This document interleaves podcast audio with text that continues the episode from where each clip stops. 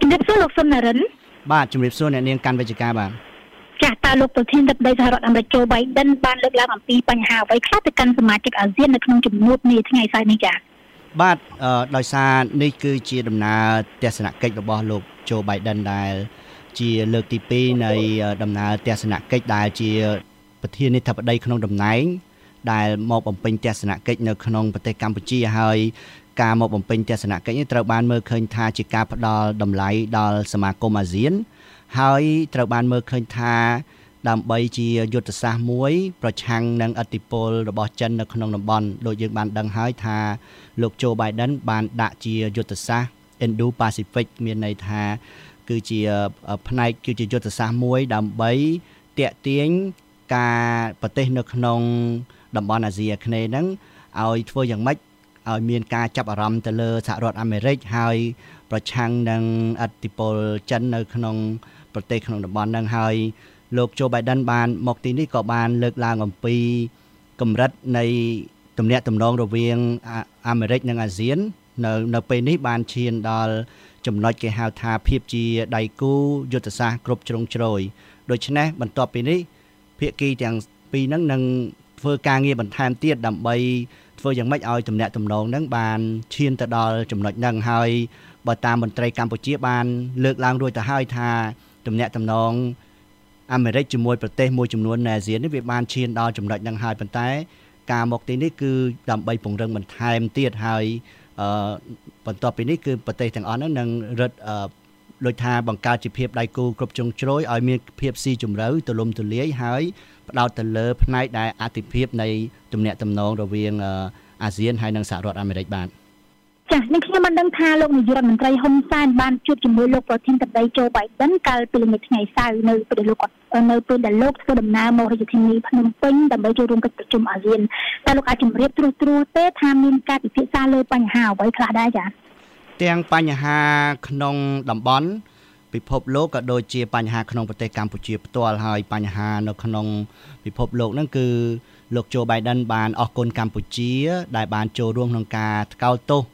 ប្រទេសរុស្ស៊ីការទន្ទ្រានរបស់ប្រទេសរុស្ស៊ីទៅក្នុងសង្គ្រាមអ៊ុយក្រែនហើយលោក Biden ក៏បានលើកឡើងអំពីបញ្ហាវិបត្តិនៅមីយ៉ាន់ម៉ាដែលទាមទារឲ្យអាស៊ាន មានវិធានការក្នុងការធានាធ្វើយ៉ាងម៉េចឲ្យមីយ៉ាន់ម៉ា ត្រឡប់មកដោយមានការដូចថាបញ្ឈប់នៅអំពើហិង្សាឬក៏មានការស្ដារលទ្ធិប្រជាធិបតេយ្យឡើងវិញហើយក្រៅពីនេះលោកជូបៃដិនក៏បានលើកឡើងពីបញ្ហាក្នុងប្រទេសកម្ពុជា ដោយបញ្ហាសំខាន់មួយនោះគឺបញ្ហាមូលដ្ឋានកងទ័ពរៀមនៅក្នុងខេត្តបរសេនុដែលលោកជូបៃដិននៅតែបន្តលើកឡើងក៏ដូចជា បានឲ្យមានដំណាភាពពេញលេញទៅក្នុងផ្នែកហ្នឹងគឺថាដោយសារកន្លងទៅ មានការលើកឡើងអំពីថាចិនកំពុងតែជួយធ្វើទំនើបកម្មនៅក្នុងតំបន់រៀមហ្នឹងអញ្ចឹងខាងសហរដ្ឋអាមេរិកមានការលើកឡើងថាធ្វើម៉េចធានាឲ្យមានតម្លាភាពនៅក្នុងបញ្ហាហ្នឹងហើយតកតទៅនឹងបញ្ហាផ្សេងទៀតមានពីការបើកលំហសេរីភាពស្ដែងសេរីភាពរបស់ប្រជាជនសេរីភាពនយោបាយ ក៏ដូចជាទាមទារឲ្យមានការដោះលែងសកម្មជនផ្សេងផ្សេងសកម្មជនសិទ្ធិមនុស្សក្នុងនោះក៏មានការលើកឡើងចំចំពីឈ្មោះកញ្ញាសេងធីរីដែលជាមេធាវីម្នាក់គាត់មានសញ្ជាតិខ្មែរផងគាត់មានសញ្ជាតិខ្មែរអាមេរិកកាំងដូច្នេះគាត់មានការអំពាវនាវឲ្យមានការដោះលែងហើយទាំងអស់នោះគឺ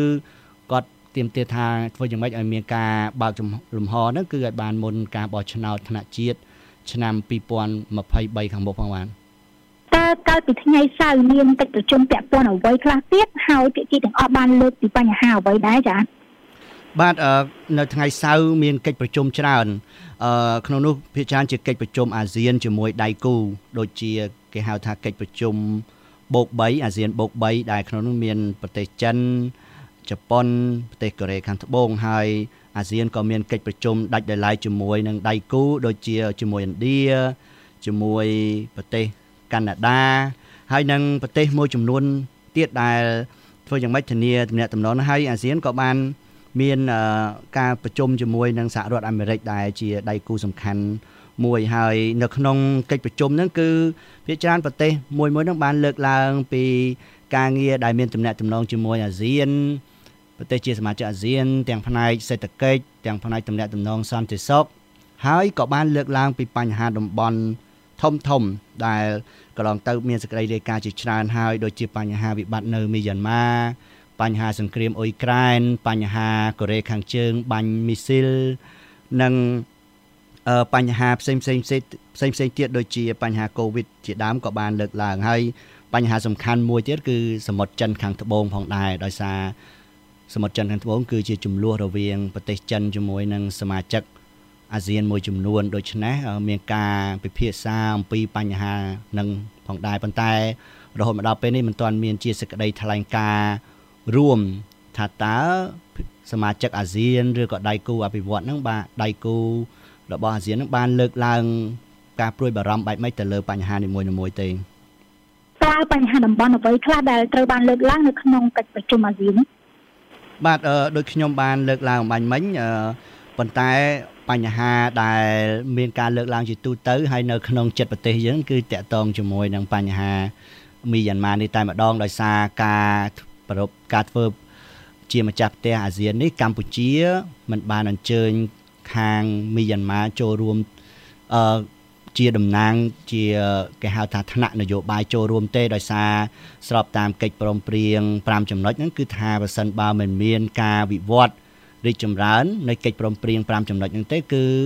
តំណាងជាលក្ខណៈនយោបាយដែលសម្ដៅទៅលើមេដឹកនាំយោធារបស់មីយ៉ាន់ម៉ាហ្នឹងគឺមិនត្រូវបានអញ្ជើញចូលរួមឬក៏រដ្ឋមន្ត្រីការបរទេសមិនត្រូវបានអញ្ជើញចូលរួមដូច្នេះបញ្ហាមីយ៉ាន់ម៉ានេះត្រូវបានលើកឡើងជជែកច្រើននៅក្នុងកិច្ចប្រជុំនេះហើយអឺក៏មានអាស៊ានក៏បានចេញជាសេចក្តីថ្លែងការណ៍រួមដែលលើកឡើងពីបញ្ហាមីយ៉ាន់ម៉ានេះដោយថាបាន ព្យាយាមធ្វើយ៉ាងម៉េចនឹងដោះស្រាយបញ្ហានៅពេលខាងមុខទៀតប៉ុន្តែសេចក្តីថ្លែងការណ៍ត្រូវបានមើលឃើញថាដូចជាមិនមានជាចំណាត់ការធ្ងន់ធ្ងរទៅលើប្រទេសមីយ៉ាន់ម៉ាទេប៉ុន្តែជាលក្ខណៈថានឹងបន្តធ្វើការជាមួយមីយ៉ាន់ម៉ាបន្តទៀតបាទនៅថ្ងៃអាទិត្យនេះជាថ្ងៃកិច្ចប្រជុំចុងក្រោយតើនឹងមានជំនួបអ្វីខ្លះហើយនឹងការពិភាក្សាបញ្ហាអ្វីខ្លះដែរបាទនៅថ្ងៃអាទិត្យនេះមានការ ពិភាក្សាផ្សេងផ្សេងទៀតដែលតាក់ទងជាពិសេសតាក់ទងនឹងកិច្ចប្រជុំកម្ពុជាអាស៊ីខាងកើតហើយក្នុងនោះក៏មានការចូលរួមពីប្រធានាធិបតីសហរដ្ឋអាមេរិកផងដែរដូច្នេះនៅប្រជុំជាមួយដៃគូពាក់ព័ន្ធផ្សេងទៀតហើយតាមខ្ញុំទទួលព័ត៌មានសហរដ្ឋអាមេរិកក៏មានកិច្ចប្រជុំត្រីភាគីជាមួយប្រទេសដែលសហរដ្ឋអាមេរិកអឺជាជាសម្ព័ន្ធមិត្តរបស់សហរដ្ឋអាមេរិកដូចជាប្រទេសជប៉ុន និងកូរ៉េខាងត្បូងផងដែរហើយការប្រជុំនេះមានសារៈសំខាន់មួយដោយសារថាប្រធានាធិបតីសហរដ្ឋអាមេរិកនឹងចាក់ចេញពីកម្ពុជានៅថ្ងៃអាទិត្យហ្នឹងគឺថាម៉ោងប្រហែលជា4រសៀលឬ5ហ្នឹងចាក់ចេញទៅទីក្រុងបាលីប្រទេសឥណ្ឌូនេស៊ីដើម្បីចូលរួមកិច្ចប្រជុំ G20 ដែលក្នុងនោះលោកនឹងមានសេចក្តីរាយការណ៍ថានឹងមានការជំនួបរវាង លោកស៊ីជីនពីងប្រធានាធិបតីចិនជាមួយលោកโจ Biden ផងដែរដែលនេះជាលើកដំបូងដែលលោកโจ Biden បានជួបផ្ទាល់នៅពេលដែលលោកបានកាន់តំណែងផងដែរបាទហើយចុងក្រោយលោកនាយករដ្ឋមន្ត្រីហ៊ុនសែនក៏នឹងមានជាសន្និសិទសារព័ត៌មាននៅម៉ោងប្រហែលជា3កន្លះឬ4រសៀលហ្នឹង